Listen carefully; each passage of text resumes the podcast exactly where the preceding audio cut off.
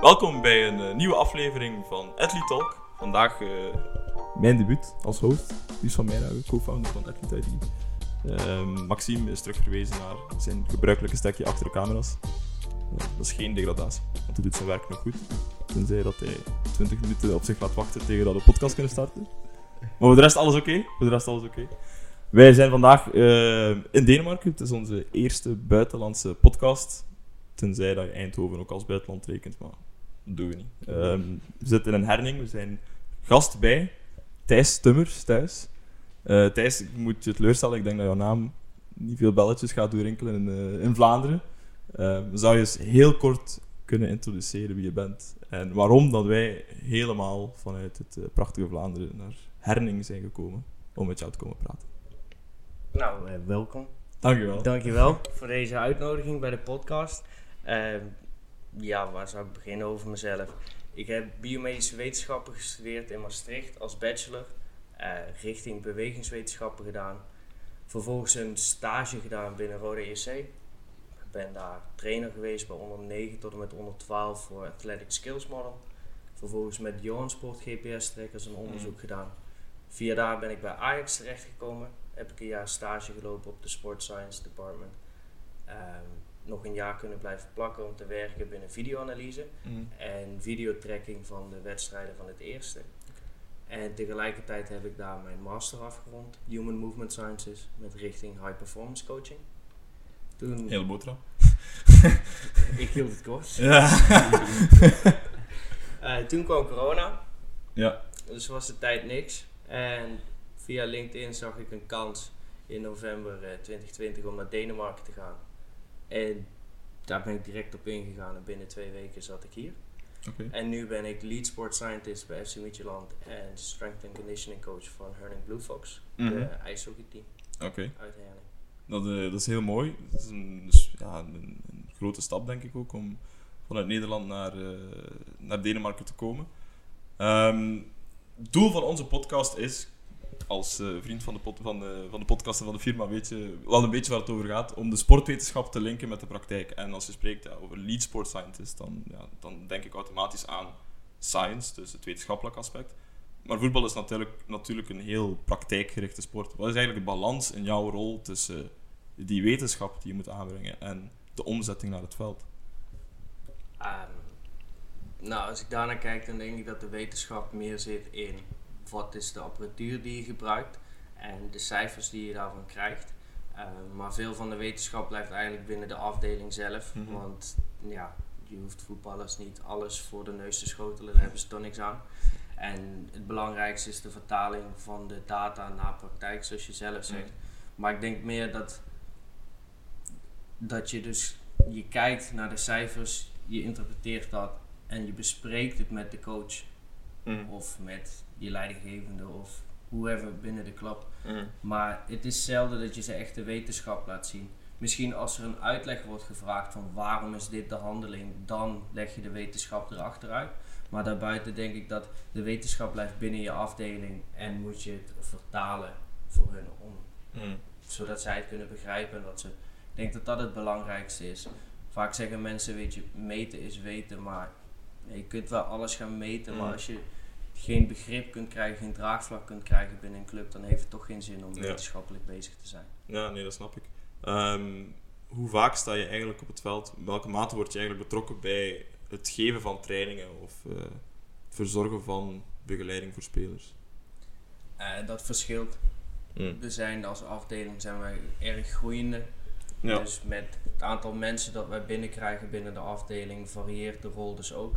Waarin als je begint en nou ja, was ik als enige binnen de academie, dan sta je natuurlijk elke keer op het veld. Ja. Dat betekent niet dat je op het veld training bent aan het geven, maar je Mm. bent daar om met de GPS-trackers Mm. de live metingen te doen van Ja. de training. En mocht het nodig zijn dat er eh, top-up runs of dergelijke nodig zijn van spelers, nou, dan Ja. kun je daarbij assisteren of dan krijg je daar de leiding over. Ja. Ehm, maar daarbuiten sta je dus wel op het veld, maar ben je niet daadwerkelijk een training aan het geven of, Ja.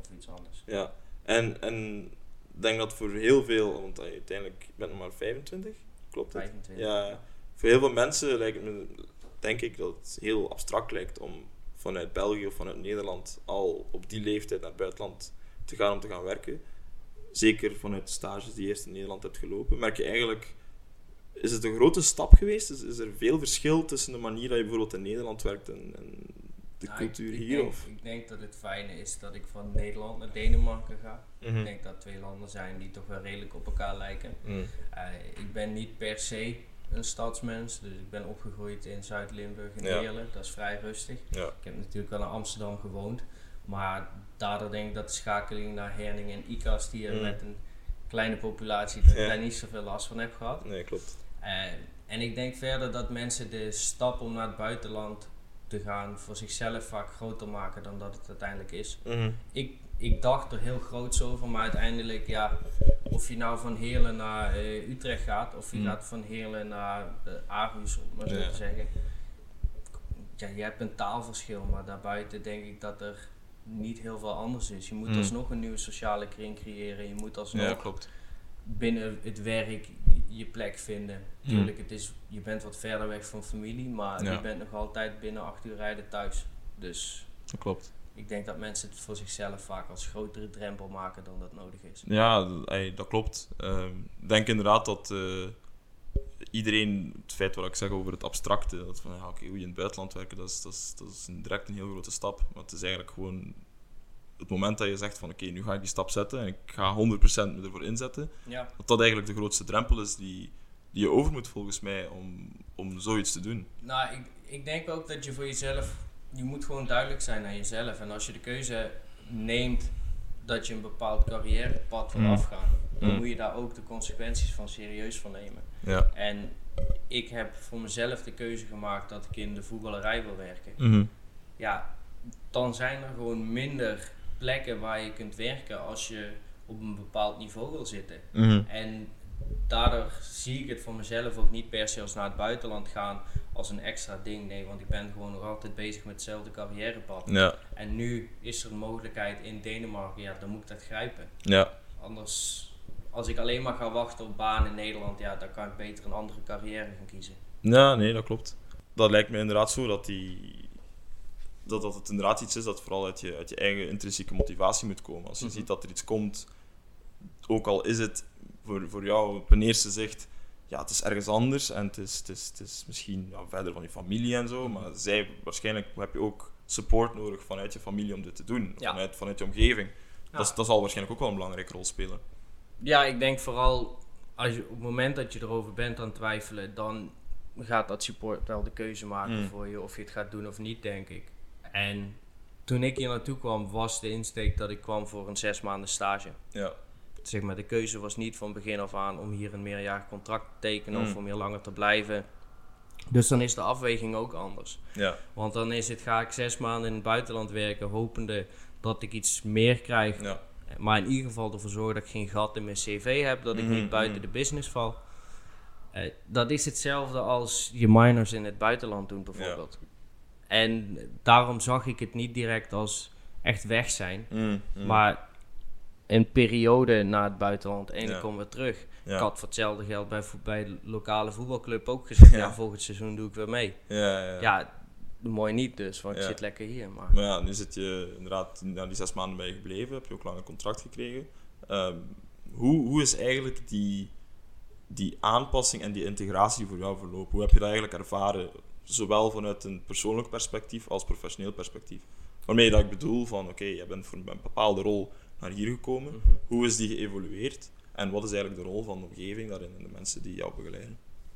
En, nou, ik moet zeggen dat ik dan heel veel dankbaar ben aan mijn directe baas, Ja, Christian Claro. ja, Ehm, mede dankzij hem ben ik nu in de positie die ik heb, met Mhm. de tweede baan ook. Ik ben Mhm. via hem in contact gekomen met Henning Blue Fox en ik werk daar namens hem. Ja, Ehm, en ja, weet je, ik weet niet of ik dezelfde kans had gehad. Puur door hem. Het kan snel gaan. Mm. Er, zat, er, was een eh, hele aardige en goede sport scientist voor mij hier. ja, Eh, de Griek Yorgos Ermidis. ja.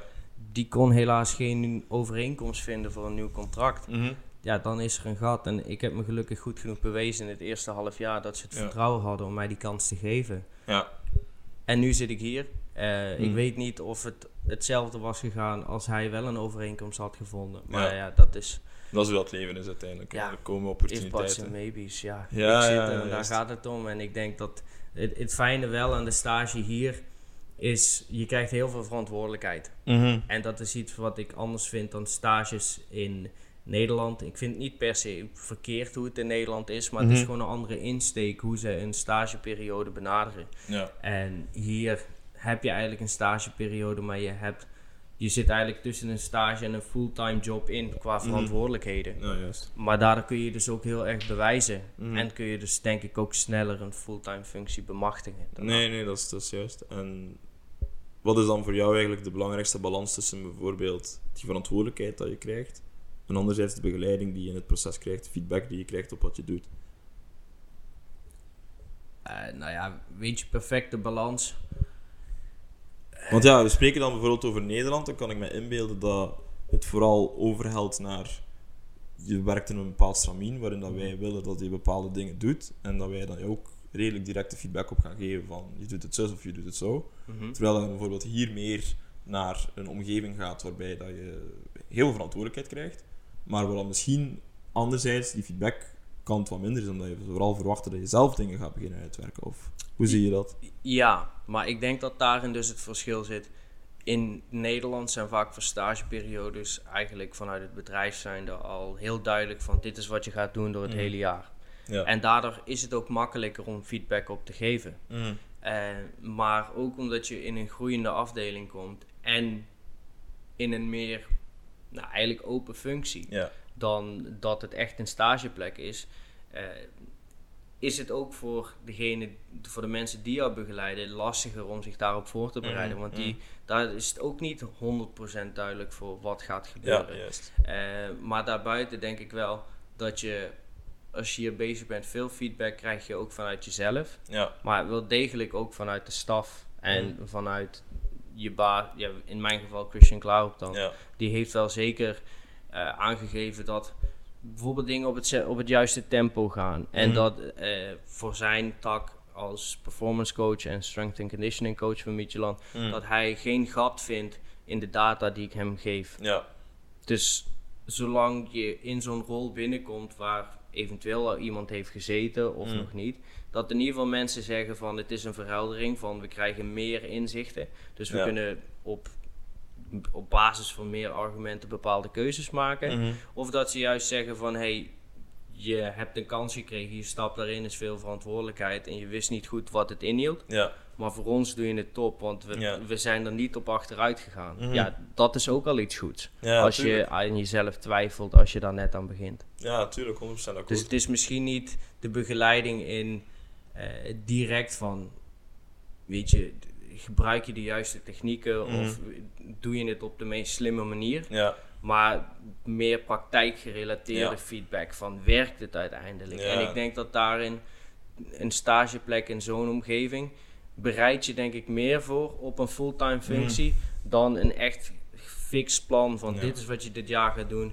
Want ook als je die verantwoordelijkheid niet voelt, dan benader je problemen heel anders. Omdat je, je voelt de druk ook anders. Ja, het is meer hands-on en meer flexibel in, in, in, die, in die zin. Ja. Ja, oké. En in welke maanden, je sprak ook over je opleiding die je hebt gehad. Er zijn heel veel aspecten die je daar, die je nu doet vanuit de data en vanuit mhm. dingen die je nu in praktijk moet omzetten. welke mate vind je dat je, je studierichting die je hebt gevolgd, je daarin geholpen heeft om dat te doen? Of dat er misschien net enkele gebreken waren die die je nu eigenlijk gewoon snel zelf hebt moeten leren om, uh, om dit te doen. Want uiteindelijk, als we spreken over uh, human movement science en bijvoorbeeld sport science, zoals dat wij bijvoorbeeld in Gent hebben gestudeerd, uh, ja, die moeten je wel voorbereiden op een job zoals deze in het voetbal. welke mate heeft dat jou geholpen, denk je? Ja, ik weet niet of Weet je, ik heb natuurlijk een bachelor biomedische wetenschappen gedaan. Mm, mm. Nou ja, dat is eh, niet bepaald specifiek op voetbal- of sportgebied. Mm. Uh, want dat gaat van moleculaire levenswetenschappen naar biologische gezondheidkunde tot bewegingswetenschappen. Ja. Uh, dus daar kon nog niet heel veel focus ja. op dit carrièreperspectief liggen. Dan moet ik zeggen dat ik dat wel verwachtte van Amsterdam. Aangezien ik daar ook de richting high performance coaching deed. Maar wat ik het gevoel heb is, er zijn binnen de topsport zoveel verschillende aspecten waar je als sport scientist aan zou mm. kunnen werken.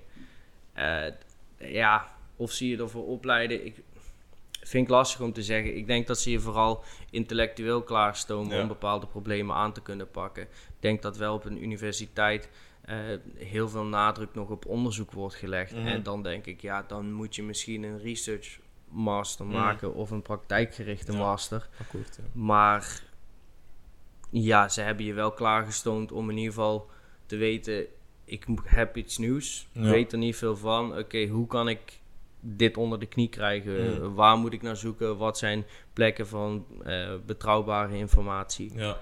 Nee, zoals ik het persoonlijk aanvoel, denk ik dat de universiteit een goede, een goede basis geeft naar kennis toe, die je zou moeten kunnen gebruiken op mhm. een bepaalde termijn. Maar dat het eigenlijk vooral aan jezelf is als persoon om de stagetrajecten die je kan volgen, om die ten volle te benutten om, om, ja, om, om je eigen traject te gaan bepalen. wat, wil je nu echt, wat, wat wil je nu echt en, en hoeveel opofferingen ben jij bereid om te maken om daar een volgende stap in te gaan zetten? Want uiteindelijk het is geen, het is geen lagere school meer waarin dat mensen u gaan bepamperen. Nee, eh, weet je, het is je eigen carrière, dus ook om daarop in te haken. Ik denk ook mensen die nu misschien met een bachelor bezig zijn of met een master en een stage moeten gaan kiezen. Uh, hou niet vast aan het gezette curriculum. Kijk naar wat jij wil gaan doen. Zo heb ik bij mijn bachelor een jaar extra de tijd genomen, omdat in Maastricht wordt heel veel onderzoek gedaan naar obesitas en naar herseninfarcten.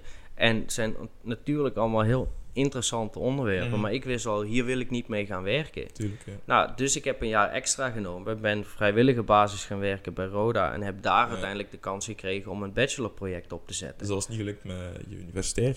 Nee, ik heb, dat, ik heb dat zelf, zelf opgezet. en nou ja, ik heb het geluk gehad doordat ik via Roda in contact kwam met Ajax en dat ik daar mijn masteronderzoek ah, en praktijkstage heb gedaan. Maar dat was ook niet het curriculum. Want het curriculum in, in Amsterdam was een eenjarige master. Ja, daar heb ik ook twee jaar over gedaan. Omdat ik 13 maanden stage deed. Ja, daar, mm. kun je niet, daar kun je het niet afmaken in een half, in een half jaar met de vakken. Nee, inderdaad. Daar, dat lukt niet. maar dan denk ik van, als je dat soort dingen wil doen er zijn heel veel opleidingen en ze hebben allemaal hele leuke namen. Je zou bijna denken dat je, als je die opleiding gaat doen, dan ga je dit werk doen. Ja, maar zo werkt het niet. Het is zo vaak dat als je een opleiding hebt gedaan, dat je bij een bedrijf komt in verschillende sectoren en dat je eerst een, uh, een traineeship krijgt, dat je eerst cursussen krijgt, omdat je klaar moet worden gestoomd voor het vak. Dus ik denk niet dat, dat, dat er echt veel opleidingen zijn die helemaal klaarstomen voor dat beroep. Maar dat ze je intellectueel naar een niveau kunnen brengen dat nodig is om dit beroep te kunnen gaan doen. Ja, klopt. Ik denk dat er heel veel studenten zijn, ik spreek dan vooral over de perceptie in Vlaanderen, die een bepaald masterdiploma halen. En dan denken van oké, nu heb ik dat papier in mijn handen en nu komt de arbeidsmarkt naar mij. Maar als je echt in een, in een, in een sector wil komen waar je graag werkt, waar je, waar je weet dat je ja, bepaalde voordelen krijgt. Gelijk in, bijvoorbeeld het voetbal is gewoon, is gewoon leuk om in te werken. We kunnen allemaal uit, ervaring spreken. Mhm. Dan moet je daar zelf ook wel die stappen voor gaan zetten om, om daarin terecht te komen. Moet je zelf ook aan, ja. Ja, aan, aan, aan jezelf werken, aan je netwerk werken, aan uh, het juiste... Je, vooral, je hebt heel veel controle over wat je zelf doet. Ook als het gaat over ja. omgeving en zo. Dus dat denk ik dat dan heel belangrijk is. Kijk, ik denk ook, des te specifieker je in gedachten hebt wat je later wil gaan doen. En mhm. des te specialer dat het eigenlijk maakt des te meer je zelf moet gaan bepalen welke kant je op gaat. Je kunt best gewoon je masteropleiding volgen en dan kijken van waar kan ik solliciteren, zeg maar. Welke benodigdheden check ik voor bepaalde jobs. Prima, solliciteer. Maar dan denk ik dat je binnen tien jaar denkt, ja, ik ben helemaal niet aan het doen wat ik leuk vind. Nee, dat is juist. En, en als je weet wat je wilt, nou, dan moet je het dus ook klaarstomen in die richting. En dat begint veel eerder dan dat je denkt. Ja, natuurlijk. Ik denk dat we allemaal wel een voorbeeld hebben van, van hoe dat je daarin terecht komt. ik denk vanuit een perso persoonlijk perspectief, ik ben, ben, een voetbaltrainer en ik ben heel slecht met software en IT en al die zaken. Maar uiteindelijk, hoe dat ik het draait of verkeerd, je moet met videoanalyse werken, je moet met data beginnen mhm. werken enzovoort. Dus dan moet je zelf ook die investering te gaan maken van oké, ik moet leren met bepaalde software te gaan werken. Ik moet leren om ja. data te gaan interpreteren. En ik denk dat voor jou waarschijnlijk ook hetzelfde is geweest als je hier naar Denemarken kwam, dat er heel veel dingen waren die nieuw waren, mhm. die je zelf ook hebt moeten, ja. moeten aanleren.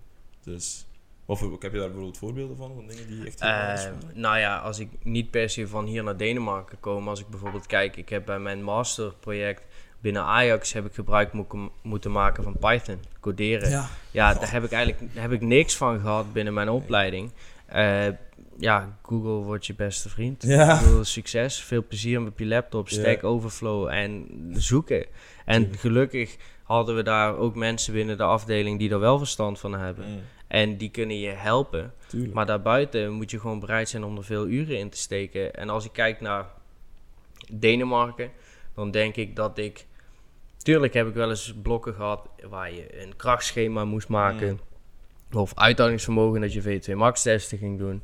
Maar om vervolgens voor een team, zoals ik nu bij de ijshockey doe, een volledig off-ice season mm. in te plannen.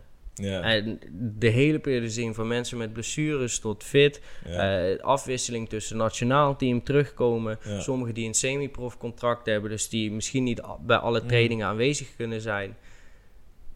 Dat is ook leren on the go. En ook gewoon weten dat het eerste programma dat je maakt waarschijnlijk niet perfect gaat zijn. Ja, klopt, 100%. Maar ja, dat kan ook niet. Want er zijn zoveel, zoveel factoren die daar invloed op hebben. Dus ik denk dat je af en toe gewoon ook eh, het risico moet nemen. Dan bedoel ik niet dat je gewoon maar wat moet doen. Want je moet wel het beste voor je spelers en voor de mensen met wie je werkt over hebben. Maar je moet wel vertrouwen hebben. En niet de hele tijd blijven zoeken naar van... Ah, misschien moet ik dit aanpassen, misschien moet ik dat aanpassen. Want uiteindelijk heb je dan nog steeds niks gedaan. Nee, 100% akkoord. Maar we hebben nu heel veel over uh, carrièreplannen en zo gepraat. Ja. Maar laten we ook eens even over uh, je specifieke job hebben en de inhoud ervan. Mhm. Ehm, een vraag die, die, denk ik bij heel veel Belgen ook op voetballief, Belgische voetballiefhebbers ligt. We spelen met een playoff systeem, mm wat je wel weet. Gelijkaardig aan wat er hier in Denemarken gebeurt. Dus voor luisteraars die niet weten, hier wordt de competitie gespeeld in 12 ploegen. Ehm, als die competitie rond is, dan is er een play-off 1 met de eerste zes. Die spelen voor het kampioenschap. En de laatste zes die tegen relegatie, relegatie, degradatie. Te veel Engels gepraat laatste tijd. Uh, spelen en uh, voor een Europees ticket. Beetje zoals in België. Maar dan heb je Nederland, waar je gewoon nog old school, een normale competitie hebt. Oké, okay, Europlayoffs, maar dat is een beetje anders. Mm um, als je net sprak over periodisering. Hoe, zou je dat, hoe zie jij dat, hoe je dat anders zou moeten aanpakken doorheen een seizoen? Is er een andere periodisering omdat je met een anders competitiesysteem werkt? Of denk je eerder van, ja, we zijn een ploeg die Europees speelt. Dat is eigenlijk veel belangrijker dan het competitiesysteem aan zich. Ik denk nu bijvoorbeeld aan, je werkt bij Roda bijvoorbeeld, die gaan niet Europees spelen. Die gaan gewoon een vol seizoen, elke match voor de drie punten moeten gaan om ja, te vechten tegen degradatie of voor promotie, of in welke competitie dat ze ook zitten. Ik weet het eigenlijk echt niet. Helaas, uh, degraderen zit er niet in, maar uh, promoveren naar de Eredivisie zou mooi zijn. Helaas niet gelukt dit jaar, maar... Uh. Ik wist niet dat ze, dat ze tweede klasse zaten, sorry.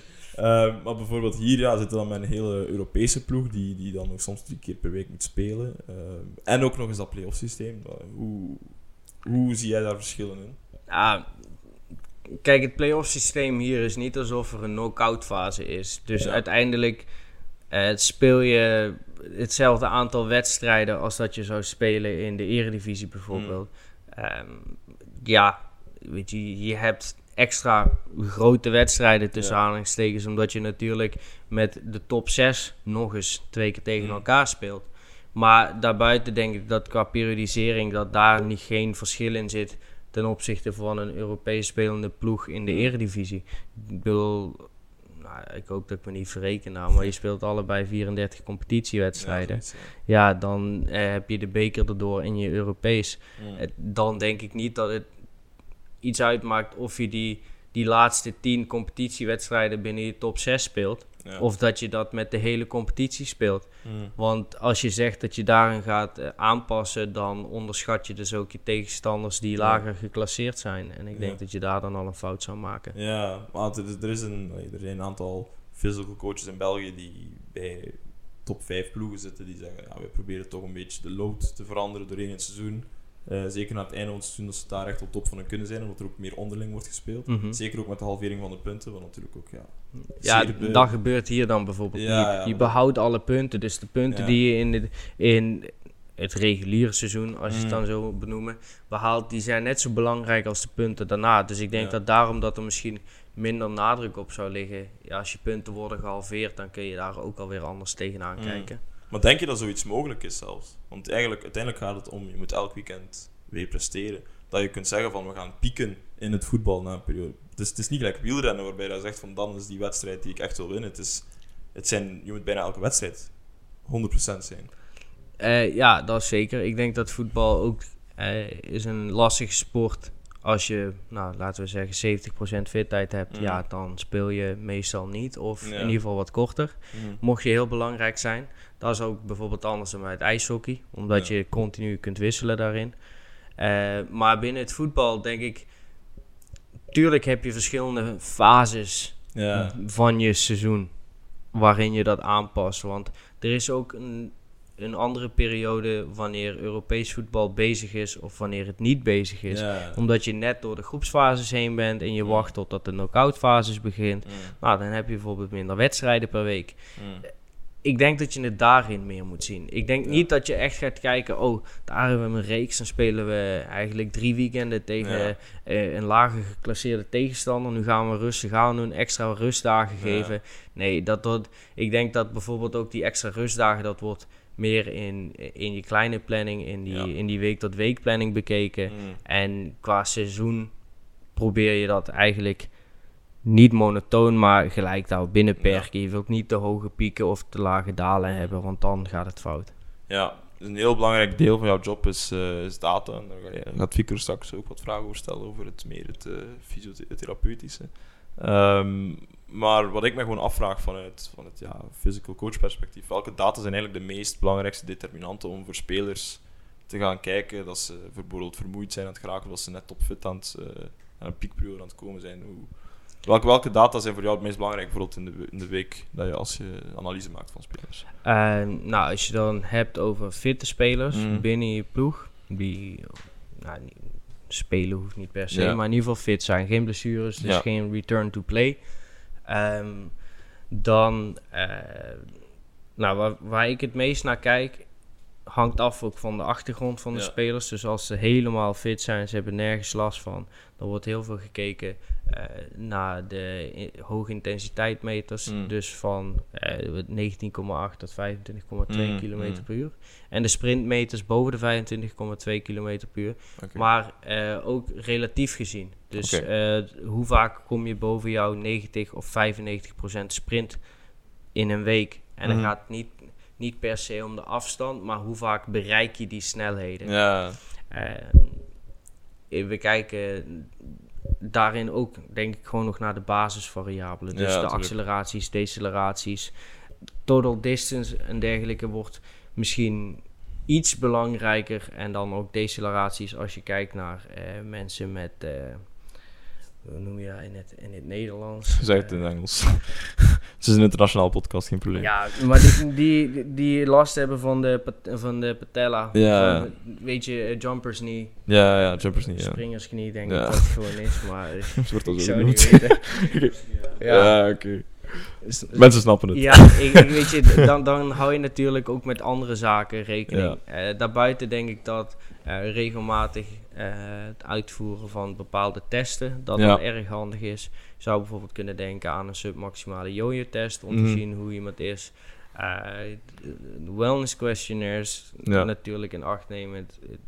Hoe eerlijk vullen je spelers die, die in? Tuurlijk. Helaas is dat een van de grootste problemen. Ja. Um, ja, maar ik denk dat dat de belangrijkste indicatoren zijn. Waar we ook gebruik van maken, dan gaat het over het force frame. Dus om de, de groin bar test en dan de Nordic hamstring. Mm. Uh, ja, er zijn meerdere tests waar je naar kunt kijken. En ik denk dat je heel grof gezegd kijkt iedereen naar de basis. En ik denk dat je uiteindelijk allemaal wel meemaakt dat als je binnen je ploeg zit, hmm. dat je merkt wat voor bepaalde spelers betere indicatoren zijn, hoe het met hmm. hun gaat dan voor de ander. Dus dat je daar je persoonlijke filters op toepast, waar je bij iemand op gaat letten. Ja, oké. Dan denk ik, zie jou al uh, lekker meeknikken over alle zaken waar ik eigenlijk niet zoveel verstand van heb. Dus uh, ik denk dat het tijd is om jou uh, de vraag te laten stellen, Victor om misschien even die vraag door te trekken naar een revalidatietraject van een geblesseerde speler. Wordt er heel veel data bij jullie gebruikt, puur qua, qua graduele opbouw van return to play? Of, of hoe gebeurt dat bij jullie? Dus een speler blesseert zich vandaag of gisteren, hoe wordt data gebruikt in zijn traject om dat gradueel op te bouwen? Nou, dat, wordt op individuele basis gebruikt. Uh, daar bedoel ik mee dat je kijkt naar wat, is iemand, wat zijn iemands persoonlijke uh, wedstrijdnummers. Want dat is waar je hem terug naartoe wil krijgen. Dat is het doel, het spelen van de volledige wedstrijden. Mocht je nou een speler hebben die niet uh, regelmatig of veel heeft gespeeld, waar je daar dus geen data over hebt, dan kun je positionele data gebruiken. Uh, ik denk dat het belangrijk is dat er een afweging wordt gemaakt wanneer ga je dat gebruiken, die data. Mm -hmm. En ik denk dat het heel belangrijk is dat je uh, niet te snel bij de fysiotherapeut weggaat. Dus dat je eerst kijkt van, kan iemand goed bewegen? Weet je, functionaliteit is een beweging. Is iemand klaar? Weet je, heb, heeft hij al een paar keer, uh, niet een volledige sprint natuurlijk, maar heeft hij al een paar keer aangezet? Kan die, is hij oké okay met de change of directions en met verschillende intensiteiten?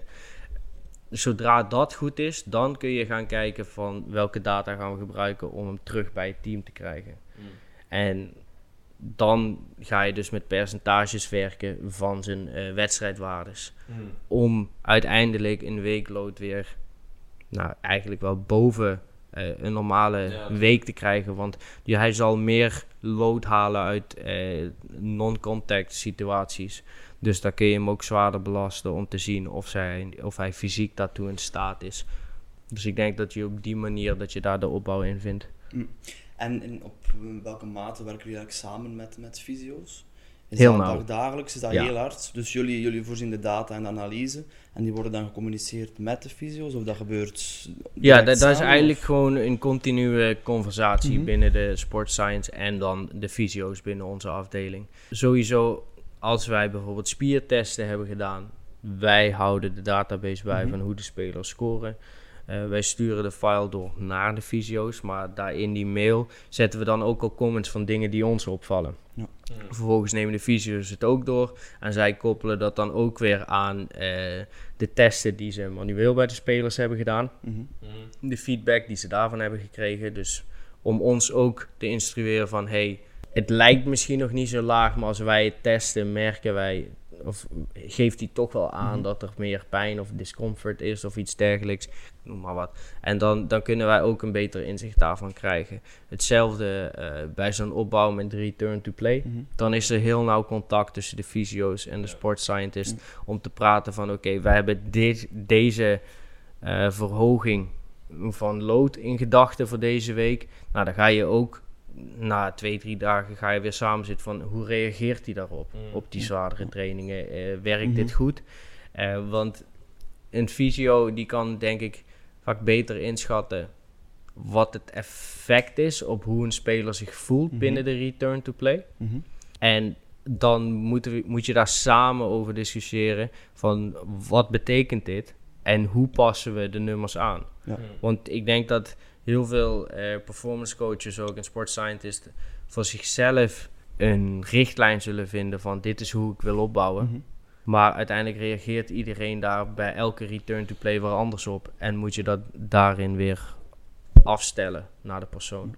Houden jullie zich puur naar return to play of return to performance strikt aan bepaalde benchmarks, bijvoorbeeld asymmetrie van 10%? Zijn echt zaken waar jullie heel objectief naar kijken? Of kijken jullie in eerste instantie eerder naar kwaliteit van bewegen, well-being en dan pas secundair naar data? Of is, of is bij jullie echt een asymmetrie van meer dan 10% gewoon nee? Of kijken jullie naar meer zaken? Of zijn echt heel strikt gebonden Ehm, aan bepaalde objectieve ik, metingen? ik denk dat we... We kijken daar heel vrij naar. Eh, het objectieve is meer de bovengrens. Ja, ja. En dat we zeggen van... Oké, dit is het maximale dat er wordt gedaan op deze training.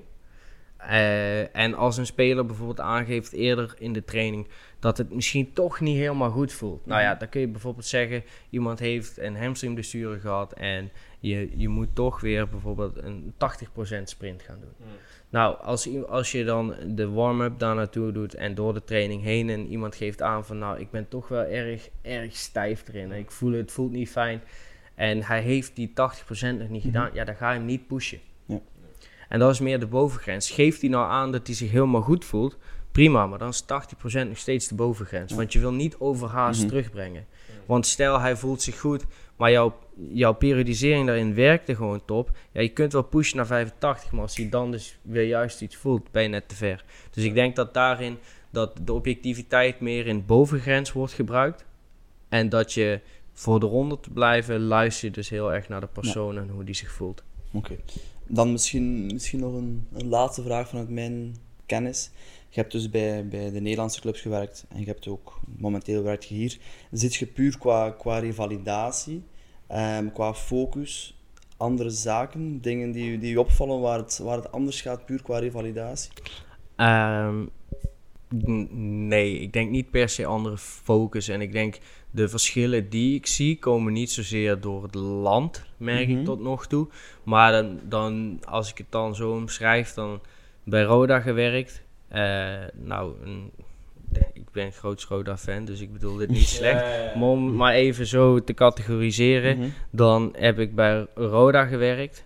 Dan heb ik vervolgens bij eigenlijk op heel veel gebieden Europese top van Ajax gewerkt. En dan werk ik nou bij een heel voortstrevend, uh, denk ik, denkend en uh, team met grote doelen, FC Midtjylland, om ooit zo'n niveau te bereiken als bij mhm. Ajax. Dus ik denk dat dat drie niveaus zijn waar ik eigenlijk binnen heb mhm. gewerkt, op waar de club al is. En ik denk dat het grootste verschil is uh, hoeveel mankracht heb je en wat heb je? En ik denk dat dat heel veel invloed heeft op hoe je die return to play, return to play en periodisering benadert. Want niet per se des te meer, des te beter. Maar des te verder ontwikkeld dat de kennis is die je binnen je afdeling hebt. En dat gaat heel vaak gepaard met meer mensen. Maar het betekent niet meer mensen dat het per se beter moet gaan. Maar ik denk dat daarin uh, het grootste verschil zit. In club als Ajax die bijvoorbeeld veel meer staf heeft, die zullen ook al veel meer situaties binnen een sportscience afdeling hebben meegemaakt en daarvan hebben geleerd. En als je in een groeiende afdeling zit, dan komen er ook heel veel nieuwe dingen tegen waar je gewoon nog niet mee hebt gewerkt en niet weet, of ja, niet met zekerheid van kunt zeggen hoe je dat moet aanpakken. We hebben met de podcast een vaste rubriek, uh, het artikel van de week. Uh, deze week hebben we een artikel gevonden op de site van Johan Sport over een model een periodiseringsmodel dat in Vlaanderen heel populair is. Het uh, model van de Nederlanders landgenoot Raymond Verheijen. Um, die is heel populair bij veel ploegen, omdat die een praktische ja, handleiding geeft om één training per week in bepaalde zones uh, te trainen. Hartslagzones worden aangehaald, EDT, IDT enzovoort. Met een x aantal spelers dat je daarmee moet trainen en bepaalde sprintvormen en zo die daarmee gekoppeld zijn. Ehm, voor heel veel trainers in Vlaanderen leidraad om, om aan de slag te gaan. Amateurploegen, eliteopleidingen die dat gebruiken. Ook in de trainersopleiding wordt dat nog altijd gebruikt. Maar er zijn heel veel, vanuit de science, heel veel pro's en contra's. Jij kent het model ook. Wat is jouw visie over wat jij weet over het model van Raymond Verheijen?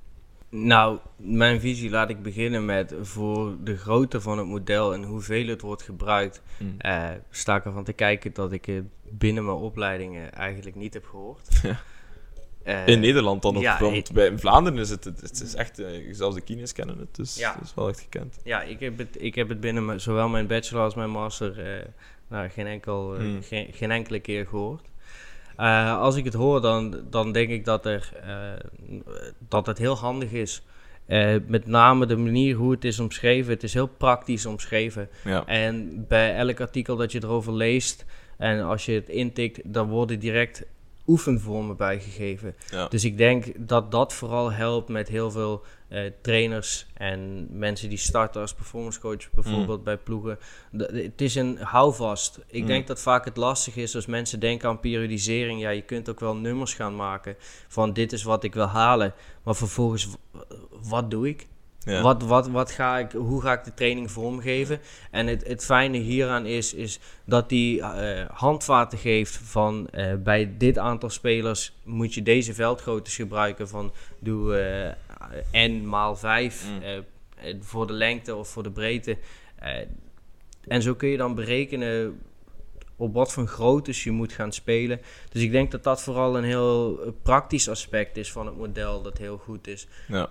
Um, nou, tegelijkertijd heb ik soms ook mijn vraagtekens bij dingen uh, die uh, dokter Verheijen heeft uitgesproken. Mm. Ik heb een uh, interview van hem gezien van een aantal jaar geleden, waarin hij praat met, over voetbal in Australië bijvoorbeeld. Daar, heeft, daar werd hij over geïnterviewd.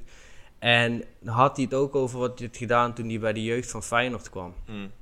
En daar zegt hij dat hij het trainingsschema, dus niet puur zijn werk is binnen de gehele opleiding dan, dat ze het hadden aangepast van van, eh, van zes keer per week trainen, met dus soms ook een dubbele sessie, naar vier keer per week trainen. En dat vier keer trainen was puur voetbal en daar zat dan ook geen krachttraining bijvoorbeeld in. Nou ja, daar heb ik dan wel mijn vraagtekens bij. Ja. Ik denk, het, het, is een heel mooi systeem en het werkt heel duidelijk van uh, wat voor intensiteit, met mm. name van training, uh, opbouw dat je daarin hebt. Ja. Maar ik denk wel dat er nog dingen aan moeten worden toegevoegd mhm. om er een juiste periodisering van te maken. Want ik denk als sport scientist moet je ook met je uh, strength and conditioning afdeling, met de krachttrainers, moet je ook nou in contact staan. Net als met je fysio's. Want daar moet ook een balans in worden gevonden van wanneer doen wij wat voor trainingen en mhm. wanneer hebben we dan de, de tijd, fysiek gezien ook, van wanneer moet het lichaam herstellen, wanneer heb je de tijd om bepaalde krachttrainingen te doen. Dus de blokmethode van eh, Dr. Verheijen, waar je in je de twee weken intervals gebruikt met zes weken totaal in de voorbereiding van het seizoen en dan je vier weken totaal met twee, twee weken interval hmm. in het seizoen. Het is heel fijn en het is heel duidelijk voor trainers, maar ik denk niet dat dat alles is. Ja, uiteraard. Ehm, wat zou jouw tip dan eigenlijk zijn? Want wij, wat wij zien met Atleta, die werken met heel veel amateurploegen samen. Dus we mhm. spreken over van het derde niveau tot het zevende, zelfs achtste niveau in, in België. Um, die, ja, de coachingstaf van zo'n van zo'n ploeg is dus uiteraard vaak beperkt. Je hebt dan mhm. meestal een hoofdcoach, assistent, misschien een physical en een kine. Mhm. Maar hoe zou jij dan, dan die mensen aanraden om hun model of hun periodisering te gaan aanpassen? Want wat we nu zien, hebben we zelf ook die analyse gemaakt, al de trainers die Verheij gebruiken, die sukkelen echt met heel veel overbelastingsblessures. Specia zeker net als het seizoen gestart is, omdat vaak spelers komen van heel weinig, mm gaan dan direct redelijk intensief direct gaan trainen. Hoe, hoe zie jij dat? Hoe, welke tips zou je kunnen geven naar die mensen toe, van richting opbouw en, en ook naar ja, maintenance doorheen het seizoen toe? Nou, ik denk binnen de opbouw en binnen de maintenance moeten ze dus ook gaan kijken naar wat doe je in het krachthonk. En ik denk dat ook op heel veel plekken op lagere niveaus zul je ook vinden dat je hebt spelers met verschillende mindsets. Ja.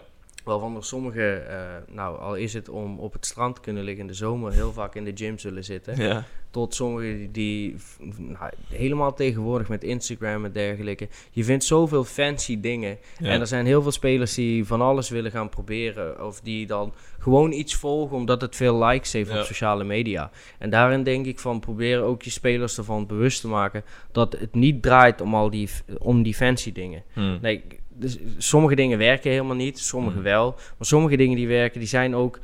Die werken alleen als je het echt goed doet. En bijvoorbeeld uh, Olympic lifting. Ja, hmm. kan in situaties heel goed werken, maar het is heel lastig om dat goed te doen. Hmm. Dus wil je dat bij je amateursporters bijvoorbeeld doen? Ja. Ik denk dat het veel belangrijker is dat ze gewoon teruggaan naar de basis. Ja. En dat ze eerst zorgen dat die basis goed is. Dus zorg dat je een goede blessurepreventieve uh, workout hebt. Hmm. En dat hoeft niet veel te zijn. Dat kan ook gewoon na een training op het veld zijn. Je hmm. kunt elkaar helpen om daar uh, Copenhagen's te doen. En om Nordic hamstring uh, oefeningen te doen. Of om een, een, paar plyometrics in je warming-up te stoppen. En ik denk dat, dat daar meer naar moet worden gekeken. Mensen, ik denk dat mensen vaak het veel te fancy willen maken voor zichzelf. En dat is ook wat je soms ziet bij opkomende mensen in een business die willen zichzelf onderscheiden. En eigenlijk gaan heel veel mensen opnieuw het wiel uitvinden. denk ik van, er is al zoveel gedaan en er is al zoveel dat werkt. Ja. En je kunt veel meer eruit halen door het contact met je spelersgroep te verbeteren en de basis te gebruiken. Mhm. Want dan zijn je spelers ook open genoeg en eerlijk tegen je om aan te geven als ze iets lichts voelen. Dan kun je mhm. die periodisering aanpassen. Ja. En dan denk ik dat je daarin veel minder blessures kunt krijgen. Nee, ik denk, ik denk dat wij uit ervaring kunnen spreken met de ploegen die we helpen zijn vaak hele kleine eerste stappen. Bijvoorbeeld al gewoon een heel simpele fysieke test te doen. Eh, lactatus is vaak een stap verder, maar bijvoorbeeld al een yo-yo-test doen en kijken van ja, wie, bij wie is de basis gewoon nog niet klaar. Mhm. En op basis daar gewoon al een loopschema of zoiets gaan geven. En heel simpele blessurepreventieve oefeningen meegeven aan de coach om iets te doen. En wat zien we nu? Dergelijke ploegen die hebben veel meer beschikbaarheid van spelers doorheen te doen. Gewoon door enkel in die eerste weken al een aanpassing te doen. Dus het zijn Ja. vaak die heel kleine Maar ik denk wat je zegt is goed met een paar basale tests waarin aangeeft wie, is, wie heeft al een basisniveau wat je oké vindt om Ja. mee te doen aan de teamtrainingen. Wie komt er eigenlijk echt met niveau 0 terug binnen? Want Hmm. ja, dan kunnen ze gewoon nog niet de volledige trainingen doen. En dan moet je je verlies nemen, denk ik ook, in die Hm. periode. Met, je hebt minder mensen in de, in de training Ja. voor, nou, noem maar wat, een small-sided game of iets Ja, dergelijks. Dan heb je er maar wat minder. Maar uiteindelijk profiteer je daar veel meer van als je die speler in zijn eerste week of twee weken en indien nodig langer zijn individuele schema geeft. Dat betekent Ja. niet dat hij helemaal apart moet trainen. Maar dat kan bijvoorbeeld betekenen dat hij meedoet met de warming-up met een paar strapoefeningen en een positiespel. En dan moet hij nog wat, eh, wat gaan rennen voor zichzelf. Ja, Ja, voor zichzelf in de zin van zonder anderen, maar natuurlijk Ja. wel begeleid. Maar daar gaat het ook over, want uiteindelijk je, doet, je speelt voetbal voor je plezier, of welke sport Ja. dat het ook is. Dus als je wil genieten van je sport, dan moet je uiteraard eerst en vooral fit zijn. En dat zijn heel kleine investeringen die veel spelers moeten beginnen maken. Ja. Gewoon, het is, soms is het ook gewoon een gebrek aan kennis. En het En is, dat een- is- dat het is natuurlijk ook stap. niet op elk niveau, maar wat ik, wat ik ook wel vaak zie in het amateurvoetbal is heel ouderwets. Je bent geblesseerd of je bent het niet. Ja, ja, ja, 100%. Dus of je komt trainen en je traint mee, Mm. of er is geen training. Ja. En Juist. ik denk dat daar een heel groot verschil in zit, ook met professionele organisaties, waarin er veel meer wordt gekeken van, oké, we willen je zoveel mogelijk bij het team houden. Dus Ja. dat wat kan, dat kun je met het team doen. Al is het alleen maar de warming-up en Mhm. daarna heb je iets individueels op hetzelfde veld of het veld ernaast. Ja. Dichtbij, maar zonder het contact of zonder de andere jongens erbij. Ja, juist. Dat is eh, een heel correcte analyse, denk ik, die, die, die we ook uit eigen ervaring eh, al hebben meegemaakt de voorbije jaar. Dus eh, eigenlijk gewoon nog eens een verkoopspraatje om me gewoon een DM te sturen als eh met Etty daar wil samenwerken, want dat is eigenlijk exact wat we doen. Wel even zeggen, als het door deze podcast komt, dan krijg ik 10% commissie. Ja! Kom, ja, ja de- de- over die commissie moeten we nog praten na de podcast. Dus eh, dat, komt- dat komt nog in orde. Dat komt nog in orde. Nee, ehm, alvast heel erg bedankt voor uw tijd. We gaan nog afronden met een eh, laatste vraag. Ja. Ehm, we, hebben nu, we hebben nu heel veel over die carrièreplanning gepraat. En ik denk ook dat er heel veel... Het publiek bij ons zijn voornamelijk coaches die nee, gewoon een volgende stap willen zetten. Maar ook jongens van onze, meisjes van onze leeftijd, 24, 23 jaar, die, of 25, die eh volgende stap willen zetten in hun carrière. Wat is jouw tip als iemand die nu een vast contract heeft bij een buitenlandse ploeg, om je dromen na te streven binnen de sportwereld? Eh, nou, ik denk dat dat twee tips zijn. De eerste is een beetje deprimerend, maar ben bereid om vandaag nog niks te werken. Hm. Want als je doet wat je leuk vindt, dan hoef je nu niet een grote zak geld te verdienen. Dan gaat het er gewoon om dat je genoeg verdient om van rond te komen en een leuk leven te hebben. En dan gaat het er niet om of je duurste kleding of weet ik wat kunt veroorloven. Dat het gaat erom dat je elke dag naar werk gaat zonder Hmm. dat je het gevoel hebt ik moet werken. En dat is iets dat zodra je dat hebt, dan denk je ook niet heel veel na over de financiën. Je, zo- je moet wel zorgen dat het klopt. Je moet het, Mm. niet, je moet het niet helemaal links laten liggen. Maar het moet niet je hoofdzaak zijn. Mm. En daarbuiten denk ik, onderschat jezelf niet. Hm. Als jij denkt dat je niet aan kan om naar het buitenland te gaan, zolang je het nog niet hebt gedaan, hoe weet je dat? Mm. Doe het, probeer het. Als er, een kan, als er een vacature is, onderschat jezelf niet, solliciteer. Ben eerlijk over je cv, maar praat jezelf niet naar beneden. Als een club je dan uiteindelijk de kans geeft, dan is dat ook niet voor niks. Hmm. En als dat niet lukt, ja, dan, lukt, dan krijg je de kans uiteindelijk niet. Maar ga, probeer zoveel mogelijk kansen aan te pakken en hoger op te komen. Ooit zal toch de eerste keer zijn dat je die warming-up moet geven aan een eerste team. Hm. Ja, als je die warming-up al een keer hebt gegeven bij een ander team, het is dus eigenlijk dezelfde warming-up die je moet gaan geven. Het zijn misschien andere mensen die naar je kijken, maar er gaat misschien meer geld om op een hoger niveau. Hm. Uiteindelijk is jouw job hetzelfde. Hm. Dus onderschat het niet en probeer het. Ja. Gewoon doen. Dat is één ding dat voor mij heel duidelijk is. Als hij niet verder in de voetbalwereld zou maken, dan zou hij perfect ingehuurd kunnen worden voor motivational speeches. Voilà. Dus, uh, dus, dus, er zit zeker nog een mooie carrière, denk ik, Thijs, op andere vlakken. Dus uh, ja, dat, komt goed, dat komt goed. Ja, fantastisch. Echt uh, nog eens super hard bedankt dat we hier mogen zijn. Ja, jullie bedankt voor de uitnodiging van de podcast. Uh, ik bedoel, zoals je zei, mijn naam doet niet veel belletjes rinkelen, maar ik hoop hierna iets meer. Ja, ik denk wel denk dat je zeker naar je motivational speech op het einde ah, heel veel Vlaamse fans gaat bij hebben nu. Zolang er maar geen memes komen. Nee, nee, nee, nee, dat komt in orde, dat komt in orde. Nee, echt super bedankt. het was een, volgens mij echt een super interessant gesprek voor zowel mensen die als ja, als student nog bezig zijn en een, een, een, idee aan het vormen zijn van wat ze willen doen met hun carrière in de sport. Of ja, nu zeker na die laatste speech, in eender welke tak van, uh, van, van elke, welke industrie. Um, en gewoon ja, over uh, ja, een inzicht te krijgen in het op het buitenland. Ik denk dat dat voor veel mensen nog een abstract idee is, maar dat er nu misschien wel de drempel uh, verlaagd zou kunnen worden. Dus, Ik hoop het. Ja, echt mooi. Super. Victor, dankjewel. Thijs, dankjewel. Okay. En u bedankt voor het luisteren. Ja, ja, heel graag. Jullie bedankt voor het luisteren en uh, tot een volgende keer.